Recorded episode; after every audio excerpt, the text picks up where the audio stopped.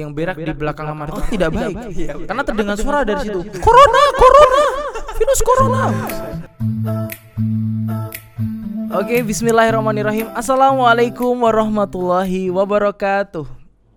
Waalaikumsalam warahmatullahi wabarakatuh. Wih, ini keren banget nih teman-teman kalam hakiki ya. Pokoknya jangan lupa like, comment, subscribe ini karena kita tiap hari tuh bikin kontennya tuh makin makin makin makin upgrade tuh.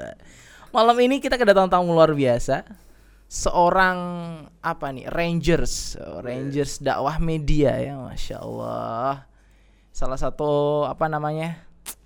Saya bilangnya apa ya? Salah satu eh arah bagaimana itu an- anak-anak muda itu pada bikin video mulai terpancing pancing mulai terinspirasi ya ini adalah saya manggilnya apa nih Bro, bro atau Hawa. abang bro Hawa iya Abang Hawa. boleh. abang Hawa Abang tapi Hawa. Iya. gitu ya. Menarik. terkenalnya instagramnya hawariun Hawa- artinya penolong ya bang ya Iya, masya. Allah ya Dan Hawariun itu kan jamak ya, bukan Jamak ya.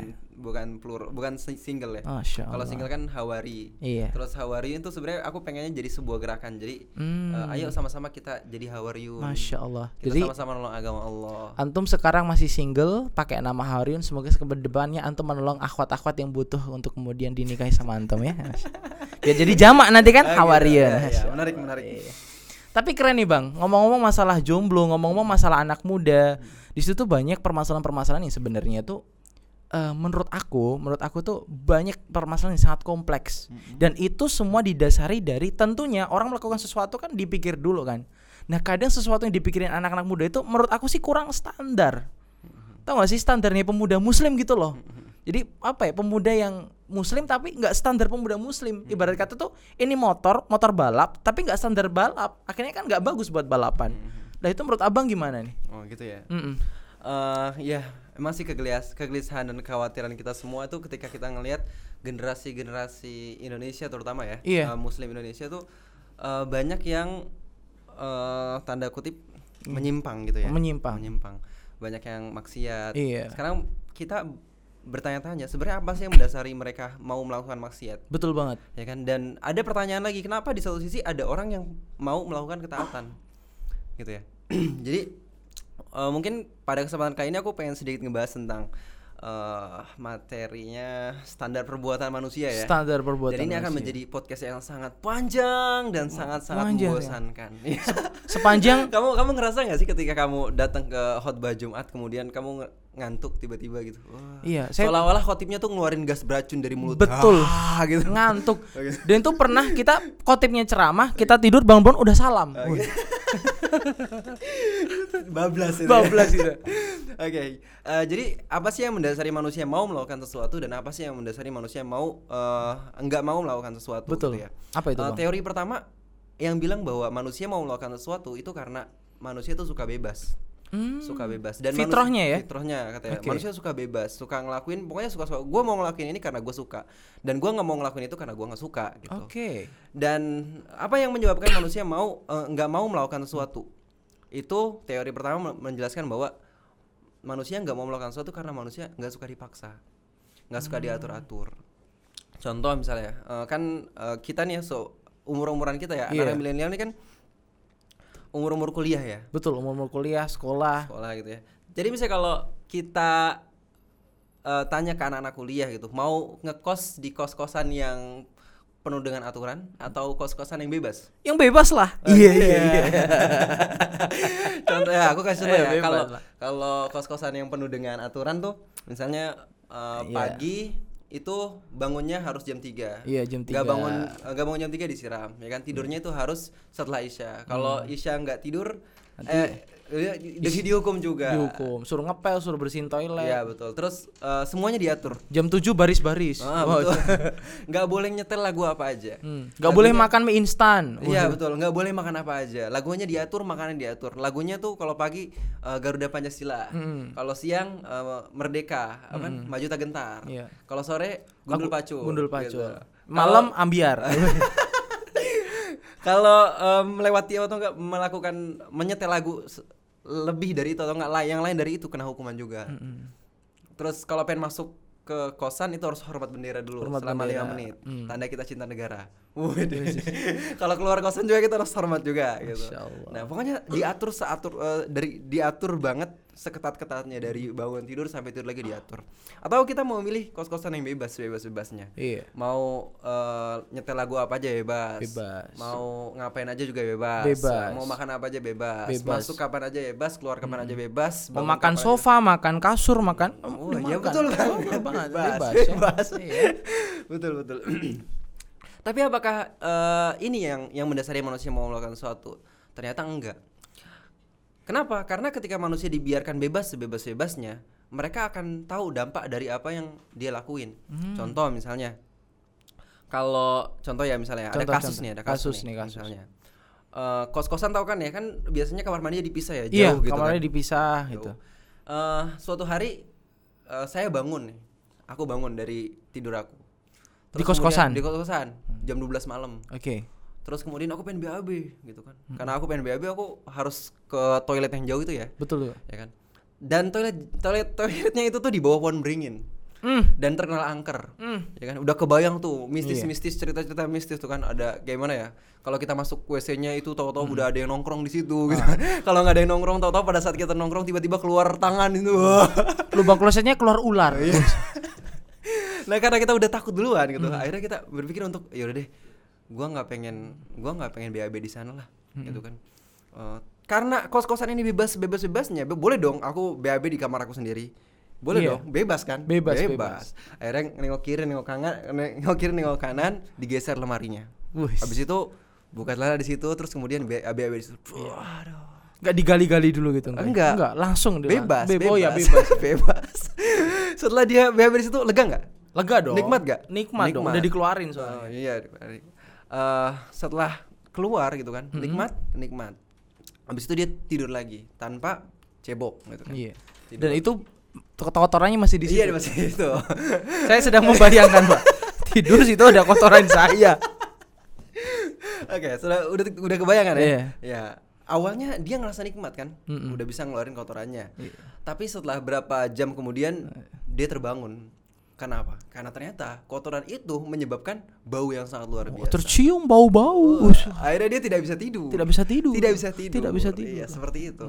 Nah, aku yakin ketika dia ngerasain dampak dari BAB sembarangan itu ternyata buruk, ya kan? Tanpa perlu disuruh-suruh, tanpa perlu diatur-atur, tanpa perlu dipaksa, dia akan dengan sukarela untuk nggak BAB sembarangan. Iya nggak sih? Betul banget. Iya nggak? Betul betul. Terus, misalnya contoh lagi. Dan itu di BAB-nya tadi itu tadi itu selanjutnya gimana? Nggak diapa-apain gitu ceritanya nih. Ceritanya, nah Oh. kayak gini kan, kan aku bilang yang mendas yang mendasari manusia teori teori pertama yang mendasari manusia mau melakukan sesuatu itu karena dia suka bebas. Hmm. Tapi ternyata itu salah. Yang mendasari manusia mau melakukan sesuatu itu ternyata eh, ketika dia tahu dampak dari apa yang dia lakuin. Hmm. Kalau dia tahu dampaknya buruk, maka dia akan dengan sukarela mau ninggalin itu tanpa perlu disuruh-suruh. Oke, oke. Tapi ketika dia tahu dampaknya baik, dia akan dengan sukarela mau ngelakuinya tanpa Dan- perlu disuruh-suruh. dan yang berak di belakang lamar itu tidak baik. Iya, betul. Karena terdengar suara dari situ. Corona, corona, virus corona. Tapi permasalahannya teman-teman, ya permasalahannya eh, dampak perbuatan itu ada yang sifatnya jangka pendek, jangka panjang, Jangka panjang. dan jangka panjang sekali, Hmm. ya kan? Sekarang ini kalau kita lihat kasus yang tadi, anak yang tadi ya, Oke. yang BAB sembarangan itu, itu ketika dia BAB enak gak? Enak. Enak. Jangka pendeknya, Pendeknya. ya kan? Tapi jangka panjangnya setelah dia BAB sejam dua jam kemudian bau, ya kan?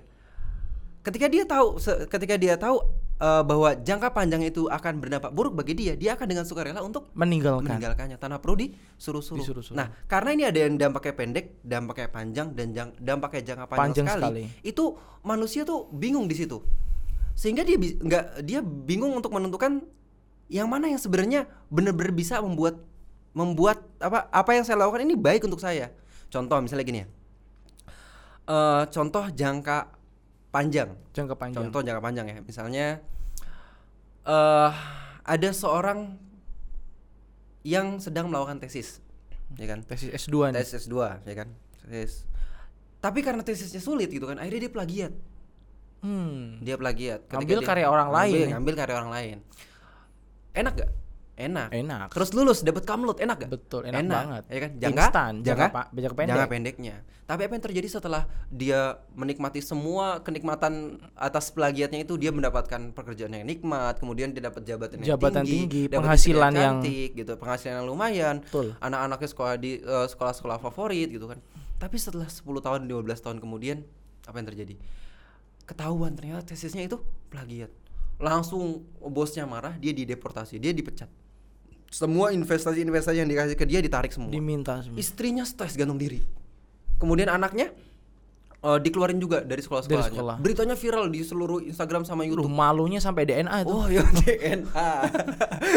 nah terus anak-anaknya juga akhirnya dia eh, pada narkobaan Heeh. mati bunuh diri. Pelampiasan ya. Pelampiasan kan. Parah, nah parah. setelah tahu dampaknya kayak gitu kira-kira apa yang terjadi? Aku yakin orang yang tadi plagiat tuh bakal berpikir begini. Kalau tahu dampaknya kayak gini, saya akan dengan sukarela nggak bakal mau plagiat. Tahu gitu dari awal susah-susah bikin gitu ya. Ah, betul, nggak ambil karya orang lain. Parah-parah. Nah, a- ada lagi yang sifatnya jangka panjang sekali. apa tuh contohnya? Contohnya, inilah jangan yang jangan yang disebut dengan eh, Ali bin Abi Thalib bahwa orang cerdas itu adalah orang yang bisa berpikir tentang akhirat. Karena Hmm. akhirat tuh gimana ya? eh, sesuatu yang hanya bisa dimiliki sama orang-orang yang beriman gitu. Contoh misalnya gini. Ada orang pacaran, pacaran enak gak? Enak dong. Jangka Jangka pendeknya, pendek. jangka pendeknya. Kita pegang tangan dia, pelukkan sama dia, sayang-sayangan sama dia Hmm. gitu kan. Jalan bareng sama dia, enak gak? Enak. Berzina enak gak? Enak. Enak. Tapi itu dampak jangka Pendek. pendek. Tapi apa yang terjadi kata Rasul ketika eh, diberitakan jangka panjangnya seperti apa dampaknya? Apa itu? Bahwa wallahi saya lebih ridho tangan saya tertembus besi yang sangat panas dibandingkan harus memegang kulit yang bukan mahramnya. Ya? Zina itu kan ditempatkan di eh, dosa terbesar setelah membunuh sama eh, syirik dan membunuh kan. Habis itu zina kan. Mm-mm. Tapi zina e- enak dilakuin. Enak. Enak. Kenapa orang mau ngelakuin? Karena orang yang lakuin itu nggak berpikir tentang jangka panjang Jangka panjangnya. dari apa yang dia lakuin. Dia mikirnya terlalu pendek. Betul. Asal enak aja udah habis itu. Betul. Nah, nah, sekarang pertanyaannya apa sih yang sekarang ada nggak sih ilmu yang ngajarin kita agar kita tuh selamat jangka pendek, jangka panjang dan jangka panjang sekali? Hmm. Coba sekarang kalau coba sekarang ya kalau kita balik-balik ya misalnya gini. Rasulullah bilang kalau kita sholat subuh di sholat sholat qobliyah subuh di masjid, eh, sholat qobliyah subuh lah, kita akan mendapatkan pahala sebesar eh, dunia Dan dan, seluruh seisinya. isinya, ya kan? Itu besar banget gak sih? Besar banget. Besar banget. Tapi sekarang kalau kita ngeliat masjid-masjid sepi nggak? Sepi. Kenapa? Karena Karena itu da- dampaknya orang yang jangka panjang jangka sekali. panjang sekali. ya nggak sih? Betul. Betul. Coba sekarang kalau kita balik misalnya di sekarang di masjid apa ini? Masjid, Salma. Salma. Masjid Salma diumumin barang siapa yang eh, sholat subuh di masjid berjamaah eh, di soft pertama akan dapat 10 juta, soft kedua akan dapat 9 juta, so- 8 juta sampai Iya. seterusnya. Kira-kira pertama dapat mobil. Tapi terjadi? mobil mini. Kira-kira apa yang terjadi kira-kira? Pasti berbondong-bondong. Pasti berbondong-bondong. Pasti berbondong-bondong. Padahal kalau kita bandingin 10 juta dengan dunia dan seisinya, Receh banget gak ada receh apa-apa. banget, bang ada Sekuku Bang. hitam aja nggak ada lah. Betul banget. Sekarang coba kalau kita balik lagi misalnya kalau eh, memegang perempuan itu ternyata rasanya tuh kayak panas banget kayak megang eh, kayak megang apa? Bara, ap- apa bara bukan? api, bara- besi yang panas. Besi yang sangat panas. Aku yakin itu perempuan telanjang di eh, 10 orang telanjang di Iya. sekelilingnya tuh nggak bakal mau megang. Panas, panas. Tidak. Panas. ya kan? Tapi masalahnya eh, dampak-dampak jangka panjang itu tidak tidak banyak orang yang mengetahui dan Betul. menyadarinya. Sekarang ada nggak sih ilmu yang ngajarin kita untuk sadar bahwa ketika kita ngelakuin ini di jangka pendek dan jangka jangka pendek itu akan berdampak baik jangka panjang dan jangka panjang sekali. Hmm. Ada nggak sih? Pasti ada. Nggak ada, Nggak ada. nggak ada. Kecuali Islam. Itulah Oh. itulah eh eh, kasih sayangnya Allah sama kita. Allah nurunin Al-Qur'an. Allah eh, ngasih kita Nabi Muhammad SAW untuk ngajarin agar kita selamat dunia dan akhirat. Masya Allah, tabarakallah. Jadi gitu teman-teman. Jadi eh pesan aku sih buat teman-teman semua yang dengar podcast ini, Hmm. yuk kita sama-sama eh, ngaji. Karena itu loh bener salah satunya alat, salah satunya cara agar kita tuh bisa bahagia di dunia dan akhirat. Masya Allah. Ya? Jadi ngaji perdalam ilmu Islam, ya kan? Terutama kita udah dikarunia Allah kitab Al-Quran yang sangat luar biasa Iya, ya betul. bang ya. Yang mana itu udahlah itu kayak ibarat kita itu mau ke suatu tempat Mm-mm. kita nggak tahu jalannya ke mana ada Google Maps kita ikutin itu Mm-mm. kita ibarat kita orang kan setiap orang punya tujuannya masing-masing kan ya tujuan orang manusia pasti kita mengharapkan surga buat orang-orang yang beriman Iya, atau iya. kalau orang-orang yang imannya agak-agak konslet saya nggak tahu kalau iman imannya yang benar-benar sungguh-sungguh pasti dia tujuannya surga dan dia pasti tahu Google Maps-nya kalau kemudian mau ke surga adalah Al-Quran Allah. betul gitu nggak sih Betul banget. Allah. Tos dong. oke Ah. Jadi gitu aja teman-teman. Oke, jadi jangan lupa kajian ya. jangan lupa kajian yuk Yuk Ngaji. ya. Enggak banyak loh komunitas-komunitas hijrah dan itu akan apa ya memacu teman-teman untuk beramal soleh gitu kan. Mm-mm. Eh, karena eh, fitrahnya amal soleh kan beramai-ramai ya Betul banget. Jadi ibarat kata tuh orang ketika jangan hanya melakukan hal-hal yang sepele, hal-hal yang kemudian bersifat duniawi kita ngajak teman. Tapi yang kemudian jangka panjang ini loh. Kan ada bareng-bareng. Kayak tadi misalnya kita sebelum podcast kita makan bareng-bareng, ya enggak sih? Yuk makan yuk, makan yuk. Itu jangka pendek buat ngenyangin tadi. Oh, saya udah mulai tertular nih saya. sih? Iya, Terus terus. Tapi kalau kemudian kita pengen sesuatu yang jangka panjang, eh aku pengen deh ke surga bareng-bareng bareng Bang Hawarion mungkin. Nah, kayak makanya mungkin Bang Hawarion sama aku saya ingetin, eh ini loh Quran, eh ini loh ngaji, eh ini loh begini. Sehingga itu kemudian itu bareng-bareng kita bahagianya selamanya. Betul gitu gak sih? Iya betul. Masya Jadi kalau orang yang punya eh, pemikiran tentang jangka panjang Jangka akhirat panjang. gitu kan, dia akan berpikir eh, setiap apa yang dia lakuinnya tuh dia akan pikirkan. Contoh misalnya makan yang tadi Hmm. Makan abang tadi. bilang ya, bang Raihan bilang, kita makan, pas kita makan nih, ya kan kita bukan hanya berpikir tentang makan, karena kalau kita berpikir tentang makan kenyang itu jangka pendek sekali. Jangka pendek. Ya kan, abis abis kenyang abis itu Udah. dikeluarin selesai, gitu kan. Tapi kalau kita berpikir jangka panjang banget dan jangka panjang sekali, kita akan berpikir makanan ini halal gak? Oh makanan iya. ini berkah nggak? Apakah makanan ini nanti eh, Allah akan murka gitu? Dari makanan ini bisa membuat saya lebih sehat gak? Supaya saya bisa beramal soleh. Itu kan kalau kita mikirin makan ya udah makan aja nggak apa-apa gitu kan. Kalau cuman banget sekedar makan. Tapi kalau kita berpikir jangka panjang, kita akan berpikir makan ini sehat gak? Untuk kita beramal soleh. Iya. Tapi kalau kita berpikir jangka panjang sekali, kita akan berpikir makanan ini halal gak sih? Toyib gak sih? Mm-mm. Gitu. Yang nyembelih sholat gak sih Iya. dagingnya? Gitu kan biasanya gitu kan ya. Jangan-jangan yang nyembelih mantan saya. Uh. haram, haram.